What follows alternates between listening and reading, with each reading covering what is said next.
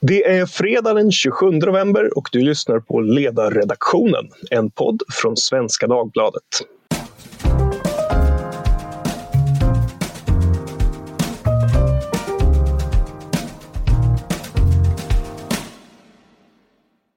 Det har blivit dags att summera den vecka som handeln kallar den svarta veckan. Och frågan är om den har varit svart även i politiken. Jag heter Henrik Sundbom och med mig idag har jag kollegorna på ledarredaktionen som för dagen är Tove Livendal, Ivar Arpi, Susanna Silversköld och så Jesper Sandström som också producerar den här podden.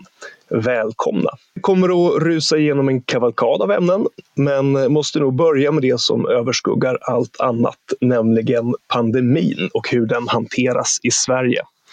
Inspektionen för vård och omsorg, IVO, presenterade i tisdags en granskning av regionerna som ansvarar för den offentliga medicinska vården och behandlingen.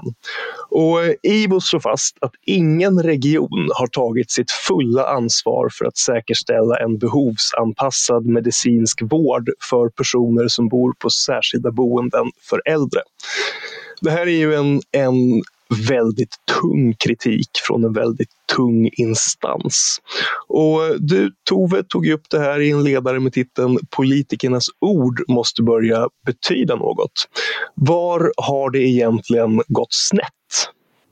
Ja, det skulle nog kräva en, en veckas poddavsnitt sammanlagt. Man kan kalla det vid en perfekt storm, att det är väldigt många delar i hur vi har byggt upp eh, Sverige, vår förvaltning och eh, som, som nu plötsligt så blir det bara tydligt att det inte fungerar när det verkligen, verkligen behöver fungera. Och det här med att politikernas ord måste börja betyda någonting, där skulle jag nog säga att vi, vi i medierna, som man säger, får ta på oss lite självkritiska eh, självkritiskt ansvar här för att låta politikerna komma undan allt för ofta med att beskriva vilken intention de har. Och där vi generellt skulle jag säga är för dåliga på att följa upp och säga att jo, det här är intentionen och ambitionen, men hur ser det ut i verkligheten? Vad händer när de här fina orden möter eh, konsekvenser? Och när jag har suttit och tittat också på vilken typ av beredskap som fanns i Sverige inför en pandemi, så kan man säga att vi har vi är otroligt välrustade med ord. Vi har mängder av ord i rapporter, granskningar. Det har gjorts väldigt mycket studier och arbeten eh, inom ramen för det som är svensk krishantering. Och där har man kunnat fastslå att vi inte alls är så väl rustade på olika områden som vi skulle behöva vara. Vi har jobbat med olika scenarier. Eh, och där har också regionerna varit med i det arbetet. Så alla har på något sätt haft kunskapen om att ja, blev det skarpt läge så skulle det inte räcka till. Då skulle det bli trånga sektorer i sjukvård och, och annan typ av beredskap. Eh, och ändå så, så är vi här där vi är. Så att man kan väl säga, nu är det ju så att jag menar, det är en regering som leder landet så att den måste ta sitt ansvar och den, den har inte gjort det på ett tillräckligt bra sätt. Men där, även om vi hade haft en annan regering så är det här också det tydliga resultatet av eh, en eftersatt samhällsstruktur. Vi har inte organiserat samhället på ett tillräckligt bra sätt för att klara sådana situationer. Och regeringen har ju faktiskt kunnat skylla ifrån sig en del, eh, lämpa över ett ansvar på regionerna. Um, och um, man undrar ju om det kommer att födas en ny diskussion om regionernas vara eller icke vara som politisk eh, nivå efter den här pandemin. det är jag säker på att det gör. Eh, och sen är ju frågan vad det landar i. Det finns ju alltid en risk att man eh, kommer på, på fel slutsats. Och sen är det också som har nämnts tidigare, det finns ju också ett egenintresse. Det är alltid svårt att prata om sådana här saker därför att eh, när man börjar tala om ansvar och utkräva det, då leder det till enskilda personer och det blir väldigt obekvämt. Vi är inte vana vid att diskutera ansvarsfrågor så himla rakt i Sverige. Och eh, det kommer också innebära att om man gör om strukturer och på något sätt försöker eh, Ehm, hitta en mer effektiv förvaltning som kanske gör medborgarna att de har mer att säga till om, då kanske det också innebär att en hel del av de som har makt idag kommer att, kommer inte kommer att ha det.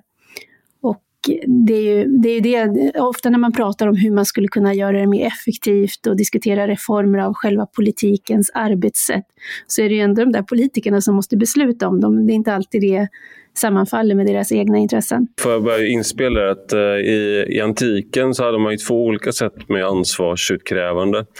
Å ena sidan så hade man eh, det, det romerska, där den, eller det grekiska menar jag, där en general som förlorade eh, fick eh, bli av med huvudet, så att säga. Eh, oavsett om, eh, om det var hans fel eller inte. Eh, och Sen hade man det Kartagos sätt, det vill säga att man kollade vad man kunde man ha gjort på något annat sätt. Och Givetvis är det rimligare att ha det liksom, eh, som Kartago hade det. Det vill säga att man kollar vad kunde man ha gjort, gjorde man rätt under rätt omständigheter och sånt där. Men det finns någonting tilltalande med det andra sättet också. Det är att om du vet att du kommer att få skulden för någonting så agerar du också därefter. Och Det här är något som är ett fundamentalt fel i svensk statsförvaltning och hur Sverige styrs. Och det är att det finns alltid någon annan att skylla på. Så att om huvuden börjar rulla så att säga Eh, inte bokstavligt talat då, eftersom nu jag började med antiken. Utan det är bra om... att du förtydligar det. ja, precis. Man vet att man har resonerat sig in i ett hörn och man måste förtydliga det. Men ja, om människor vet att det faktiskt är så att det kommer att utkrävas ansvar så kommer man också att bete sig därefter. Eh, det, är, det är ett jättespännande resonemang och inte minst eh, som det ju under hela pandemins tid har varit en diskussion om, om eh, regeringen och relationen till Folkhälsomyndigheten. Eh, och där har man ju också nu faktiskt den här veckan börjat prata om att det möjligen uppstår en, en spricka att eh, regeringen kanske inte lika blint lyder Folkhälsomyndighetens råd utan utformar sin egen politik baserad på den på, på något annat sätt. Eh, vad säger ni? Ser man den typen av spricka och, och att eh, det uppstår någon form av friktion här i relationen mellan myndigheten och regeringen? Ja, men det tycker jag. Men det har väl i och för sig varit märkbart tidigare att det har kommit lite skilda instruktioner. Vi har ju haft en statsminister som inte riktigt har varit de stora ordens man. Han har inte riktigt tagit tillfället i akt att stå och, och, och liksom leda sin nation genom, genom också att markera närvaro. Utan, men, och de gånger han har varit ute då har han varit liksom nere på detaljnivå och pratat om hur man ska göra med gym och sånt där. Så vi liksom, och där har det ju ibland varit så att statsministerns råd, konkreta råd i vardagen, de har ju ibland skilt sig åt från Folkhälsomyndigheten som jag kunnat se att där har det funnits en liten skillnad. Men, men sen är det väl också så att det, det, går inte längre för regeringen att ställa sig bakom sin myndighet och gömma sig där och börja titta fram när man tycker att man har goda nyheter att säga. Man måste faktiskt stå för att man har ansvar för de avvägningar som görs. Man kan och ska eh, lyssna på sina expertmyndigheter men det går inte att eh, delegera ansvaret för de olika beslut och avvägningar som måste göras och som kommer att ha konsekvenser oavsett vilka beslut man fattar eller inte fattar. Och nu har det nog blivit tydligt att, att regeringen dels har insett det, men kanske också eh, känner att de råd som de har följt och litat på, som myndigheterna gett, kanske inte hade, var, var de optimala. Det här är ju den äldsta, liksom, den äldsta lagsamlingen som finns. Hammurabis lag från Babylonien. Jag vägrar lämna antiken. det, är här, det här är ett direkt citat. Om en byggmästare bygger ett hus och huset rasar samman och husägaren dör ska byggmästaren avrättas. Återigen så menar jag inte bokstavligt talat här. Men det är helt uppenbart att regeringen, om, man, så, om det är de som har varit regering under den den här pandemin och vi i Sverige har klarat oss så dåligt, då är det regeringen som har ansvar för det. Det finns mycket att säga om den här pandemin och hanteringen av det och om eh, antika principer med bäring på dagen, kanske, möjligen. Eh, men eh, en annan nyhet på den här fronten är ju att det faktiskt ser ut som att det äntligen är vaccin på väg, även om gemene man fortfarande kommer att få vänta länge. Eh, och man kan också undra hur stor del av befolkningen som kommer välja att vaccinera sig, om det kommer att erbjudas ett, vaccin. Eh, och det här är någonting som du Jesper pratade om i podden igår eh, tillsammans med immunologen Henrik Brändin. Ni pratade om immunförsvar och, och vaccin. Eh, vad är det viktigaste som du tar med dig från, från det samtalet? Eh, eh, kanske det att vi har väl all anledning att vara hoppfulla, men vi måste samtidigt minnas att det är mycket vi inte vet. Det är mycket som fortfarande är osäkert. Vi vet inte hur länge immuniteten kommer att vara om vaccinet lyckas ge upphov till en sådan. Ehm, men det, det som jag tar med mig kanske allra mest från, från samtalet. För det handlade, ju, det handlade ju inte så mycket om, om vad ska man säga, sakfrågan, alltså vaccindistribution och, och hur exakt de här vaccinen kommer se ut och fungera. Utan, utan det han har gjort i sin bok, det är ju att med hjälp av att förklara hur immunförsvaret reagerar på corona så, så förklarar han liksom hur, hur immunförsvaret fungerar och reagerar på yttre hot generellt. Och, och han gör det på ett väldigt Eh, Eh, pedagogiskt och bildspråksrikt sätt. Det, eh, eftersom Ivar har pratat så mycket om, om eh, liksom, eh, våld, våldsamt ansvarsutkrävande så hade han kanske gillat bildspråket i boken här. För det, man ser verkligen krigsscenerna framför sig när, när de här mördarcellerna kommer rusande. Och, så jag, eh, jag tycker det är fascinerande att han har lyckats förklara immunförsvarets funktion på ett sätt som jag tror är väldigt lätt eh, att ta till sig även för sådana som inte är naturvetare eller immunologer själva. Eh, vi ska hålla oss kvar i, i eh, välfärden en stund, även om vi eh, lämnar eh, covid-19 bakom oss. För det har ju blossat upp en ny debatt om friskolornas vara eller icke vara. Samtidigt som religiösa friskolor, friskolor med kopplingar till fundamentalism vållar nya problem förs en intensiv debatt om de stora friskolekoncernerna och deras vinstuttag. Något som man från borgerligt håll länge hävdat är en förutsättning för att vi faktiskt ska kunna ha en utbredd valfrihet inom skolan överhuvudtaget. Eh, Expressens Torbjörn Nilsson sammanfattade den här debatten igår genom att konstatera att borgerligheten är offside i den nya skoldebatten och på väg att förlora. Eh, och min fråga till er är om den här bilden stämmer. Eh, har vi misslyckats med att vårda den skolreform som en gång i tiden beskrevs som en valfrihetsrevolution? Eller har vi misslyckats med att eh, lyfta fram de positiva effekterna av den. Vad säger du Susanna? Eh, nej, men jag tror absolut att borgerligheten måste börja ta den här kritiken och människors oro på allvar. För annars finns det ju risk att man helt lämnar walkover. Eh, och vi har ju sett i andra frågor hur det blir när man inte vill se att eh, det blossar upp en kritik. Eh, och jag tycker mig se att den här kritiken nu har bytt fokus. Tidigare så var man ju mer tydlig och sa att nej, men det är inte bra att människor väljer. Men människor vill ju välja. Så nu verkar det lite som att man försöker komma åt friskolorna bakvägen. Eh, så jag tror ändå att man måste fortsätta att komma ihåg varför friskolorna är viktiga och framförallt att folk vill välja och varför det är väldigt viktigt för många föräldrar och elever. Ehm, för fokus blir ofta på något vis att som om problemet vore att alla inte går i lika bra skolor. Men problemet är att det finns alldeles för få bra skolor och alldeles för många dåliga. Um, och sen, jag tror också att vi måste lägga mindre fokus på vem som driver skolan och mer på att de överlag ska hålla kvalitet.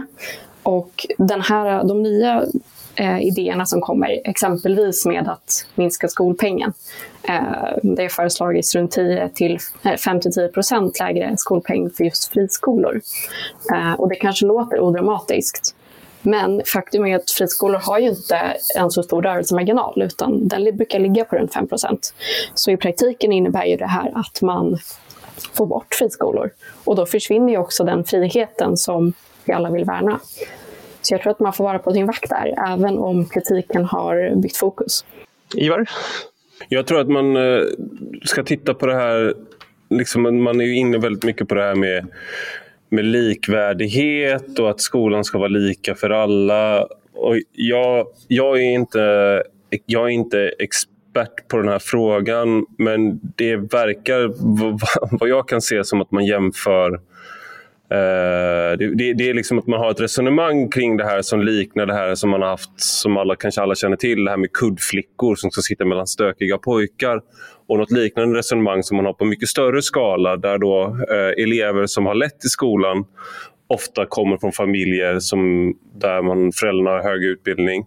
Eh, och de då, när de flyttar från sämre fungerande skolor till bättre fungerande skolor så blir det liksom att då blir skolan mindre likvärdig. Och om man tittar på det som på samhällelig nivå så ser det ut så eftersom då att man har då eh, föräldrar med hög utbildning har en tendens att göra aktiva val till sina barn och att de här barnen då går i bättre skolor. Men om man om man skulle göra, undersöka det här närmare så tror jag man skulle också se att de här eleverna, även när du gömmer undan dem i de här eh, sämre fungerande skolorna så kommer det gå bättre för dem än för de eleverna som, går på de, som kanske är kvar på de skolorna idag.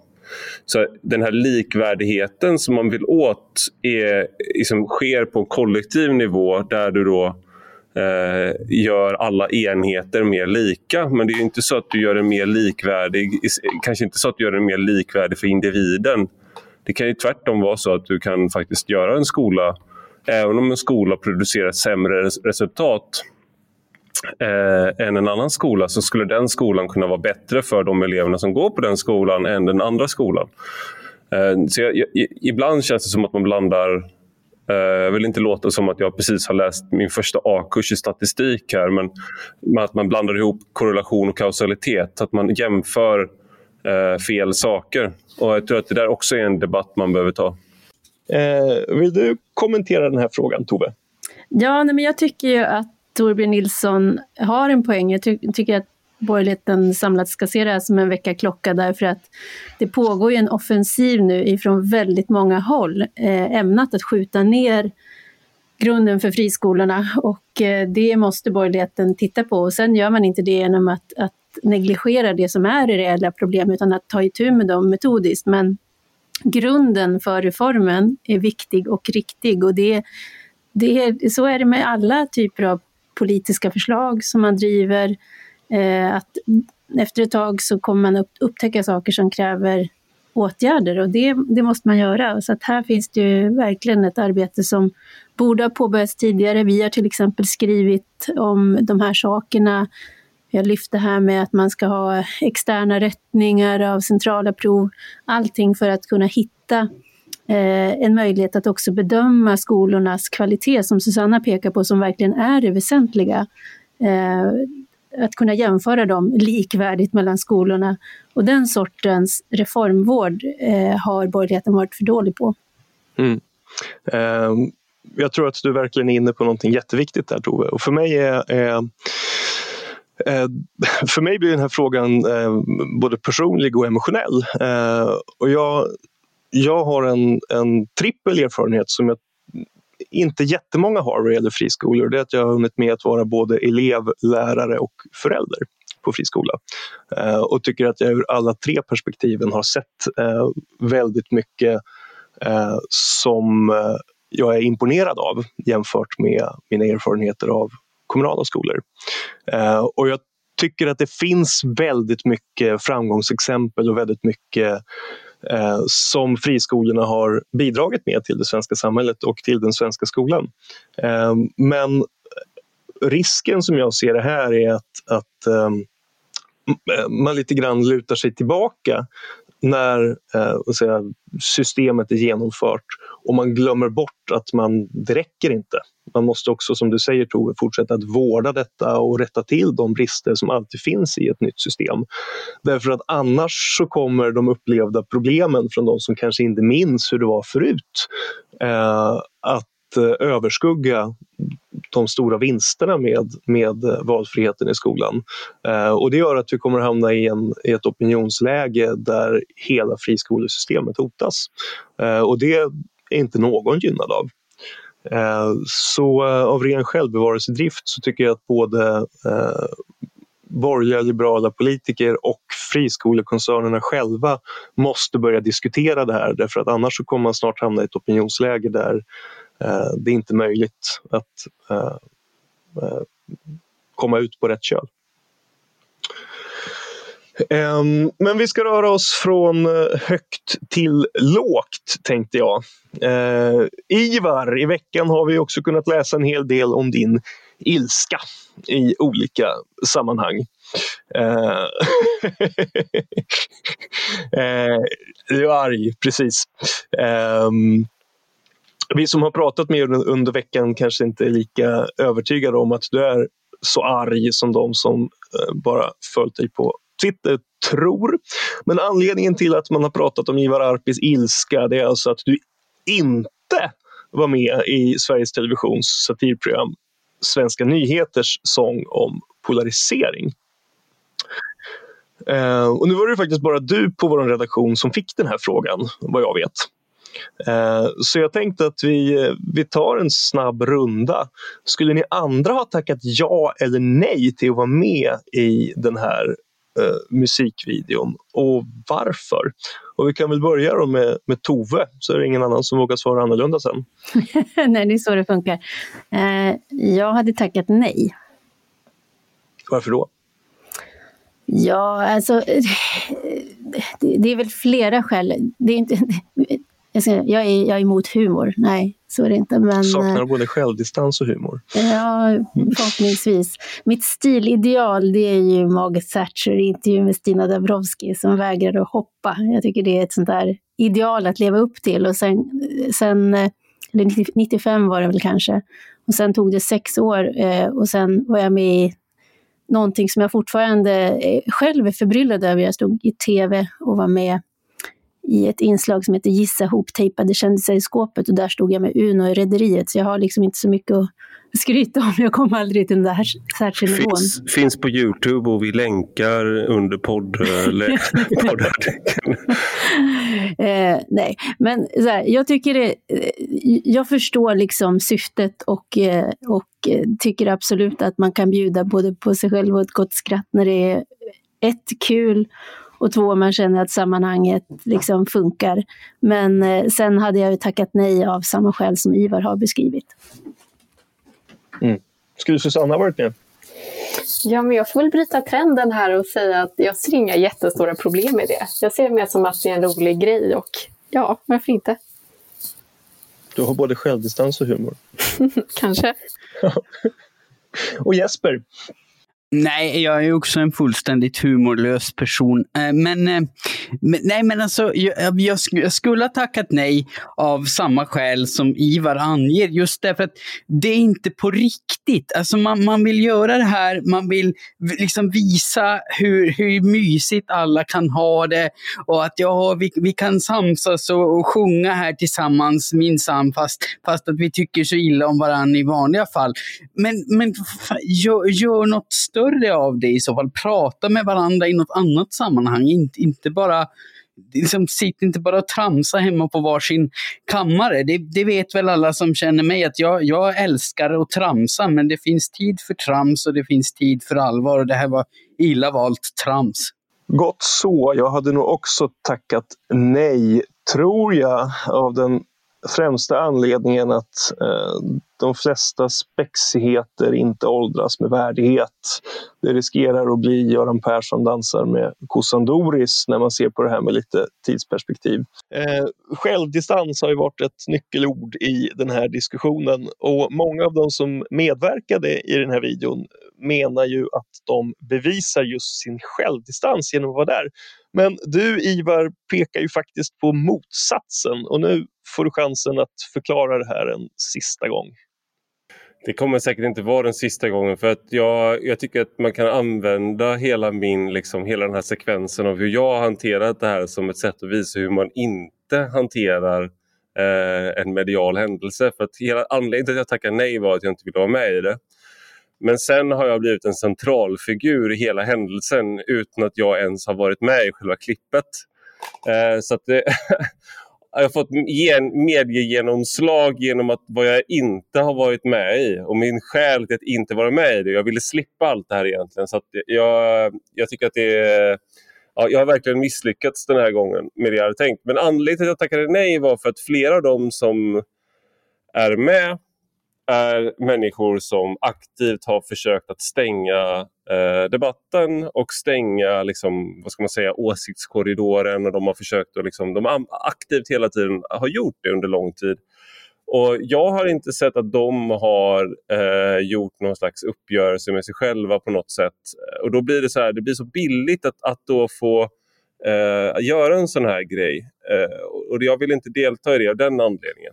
Men jag måste också säga då att jag tycker att om man ser det från ett satiriskt, om en satirisk synvinkel och lyfter det från sig själv eh, så är det ju en ganska, en ganska lyckad ironi just att vi är så mediekåta, vi som är med i sådana där saker, att vi gladeligen ställer upp i en sån här grej. Och man kan ju se det då som att man har självdistans men jag tror inte egentligen att det är självdistans man uppvisar så mycket som att man är, erkänner att man är ett spektakel, kanske att man är liksom Eh, Ehm, mm, det, är inte, det, är inte, det, man, det man sjunger om är ju den andra sidans syn på en själv, inte, den egna, inte de egna tillkortakommandena. Så att jag vet inte om det är självdistans riktigt. Men jag tycker Micke Lindgren som var, har varit producent och ligger bakom mycket Grotesco eh, han, hans idé var ju rolig och, och jag har egentligen ingenting emot hela grejen. Eh, sådär. Så jag, jag, det är lite mer komplext än, än kanske än att jag bara var emot hela, hela grejen. Och det blir, blir en lyckad satir i bemärk om man tänker på ett konstverk som Lars Vilks alltid brukar komma in på att alla som är kritiska till hans rondellhund och dödshotar honom och sånt där, de blir en del av konstverket.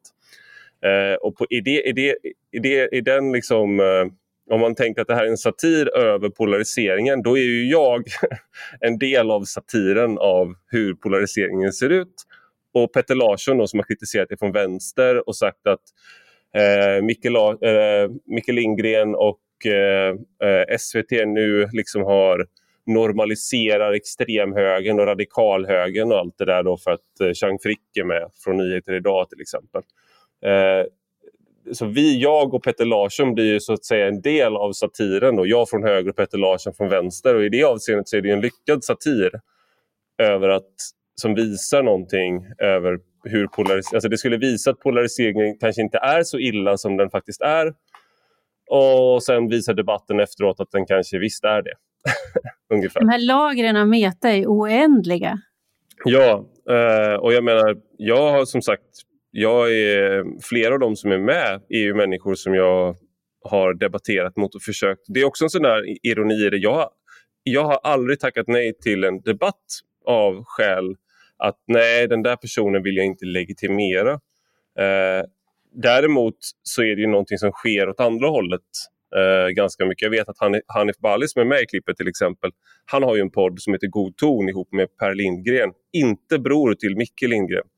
Eh, och de har ju försökt att bjuda in väldigt många ur den så kallade woke-vänstern, liksom, som är identitetspolitiker och sånt där.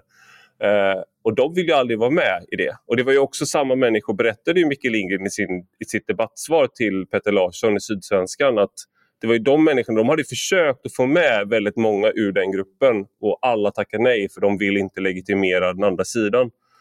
Så det finns ju, vad ska man säga, det är satir och det är, man kan skratta. Jag tycker det är helt okej att skratta åt det, jag, bara att jag själv vill inte vara med på det. Men, eh, men, om Hanif kanske bjuder in till en gemensam julsång så kanske han får nytt hopp nu. Ja, precis.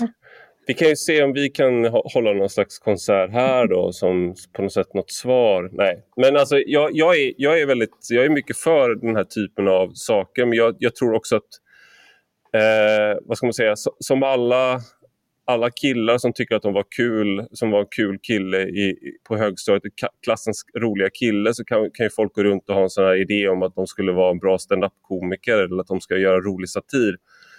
Men om man är då ledarskribent eller politiker eller liknande, då finns det gränser för vad du kan göra inom, roll, inom ramen för det, oavsett hur rolig du, du själv känner att du är.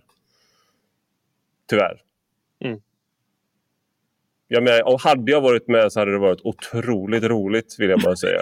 det roligaste i hela världen. Det hade lyft. Men nu så valde jag tyvärr för alla då att avstå och istället delta i och bli en centralfigur i efterdebatten totalt misslyckande. Eh, om man tänker sig att det finns liksom en, en, en, en framtida karriär för ledarskribenter där man hjälper människor att manövrera genom mediala landskapet så är det här verkligen ett extremt dålig plump i mitt CV på hur man gör.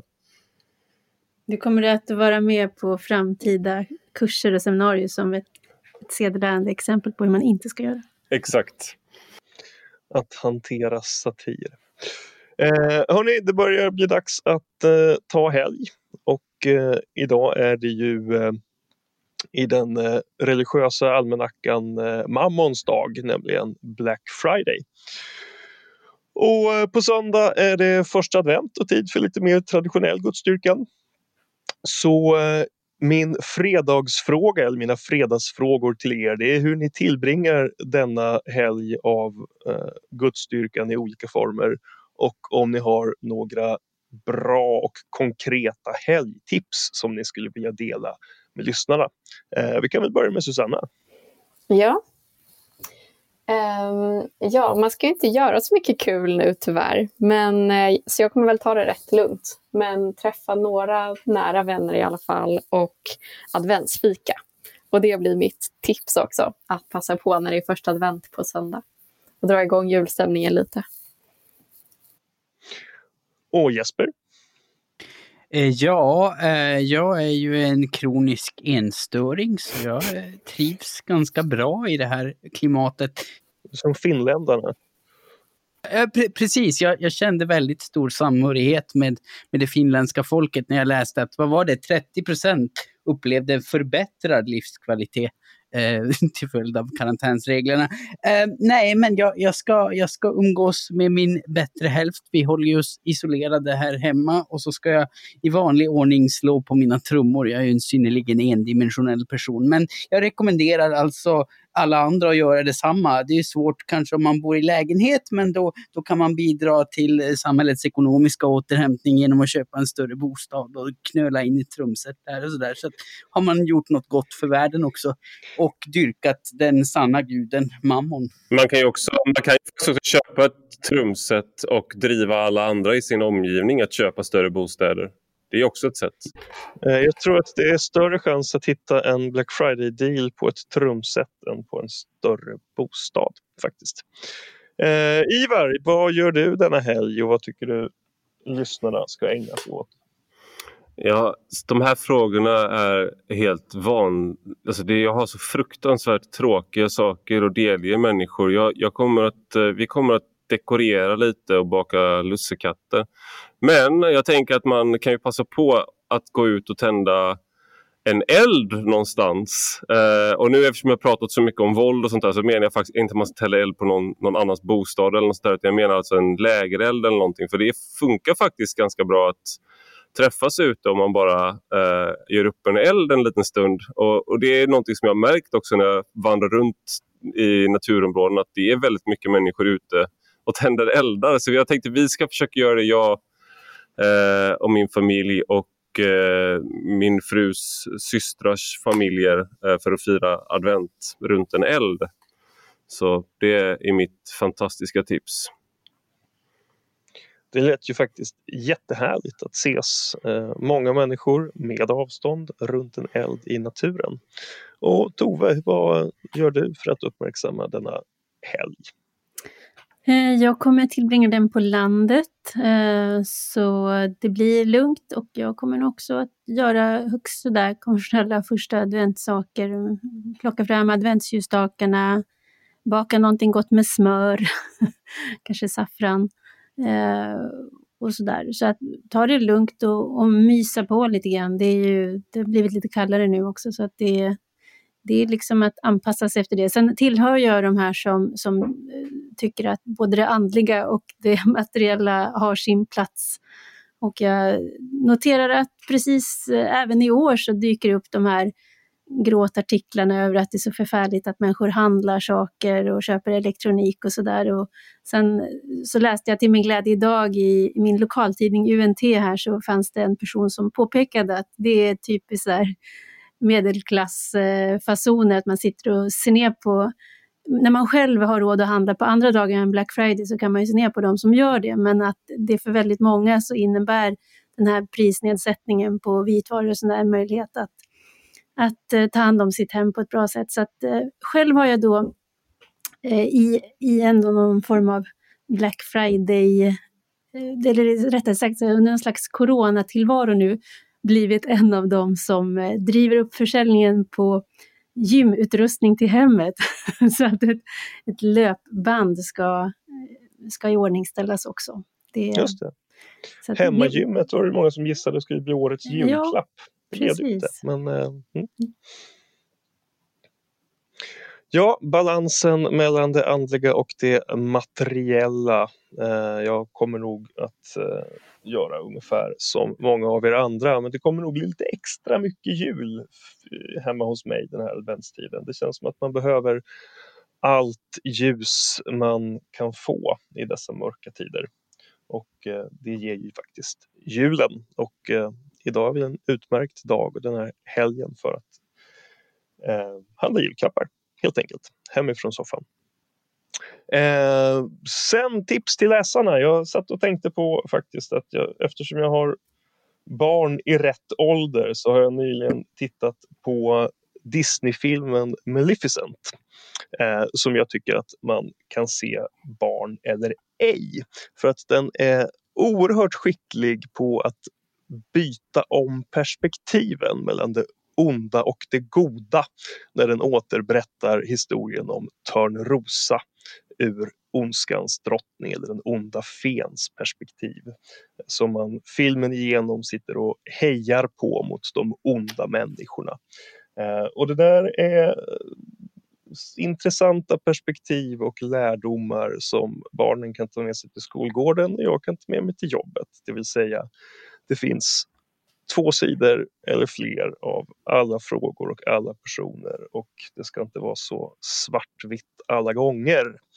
Eh, och det tänker jag att kanske de här personerna som eh, tackar nej till debatter för att fel person är med och sådär kan Hallå, jag, jag, jag, är fortfarande kvar här. Du kan inte börja prata om mig. Sådär. Vem är den onda fen på redaktionen, ja, precis, Henrik? Vem är den onda fen här? Ska, här? ska jag inte få gå i svaromål här, eller? Kör hårt, Ivar, och identifiera dig med den onda fen. Det här, det här kommer kräva en till podd, tror jag, att reda ut. Och med det tackar vi för den här sändningen. Eh, ni har lyssnat på mig, Henrik Sundbom, på Tove Livendal, Ivar Arpi, Susanna Silversköld och Jesper Sandström. Har ni eh, synpunkter, beröm eller frågor så går det alldeles utmärkt att höra av sig till ledarsidan svd.se. Eh, trevlig helg!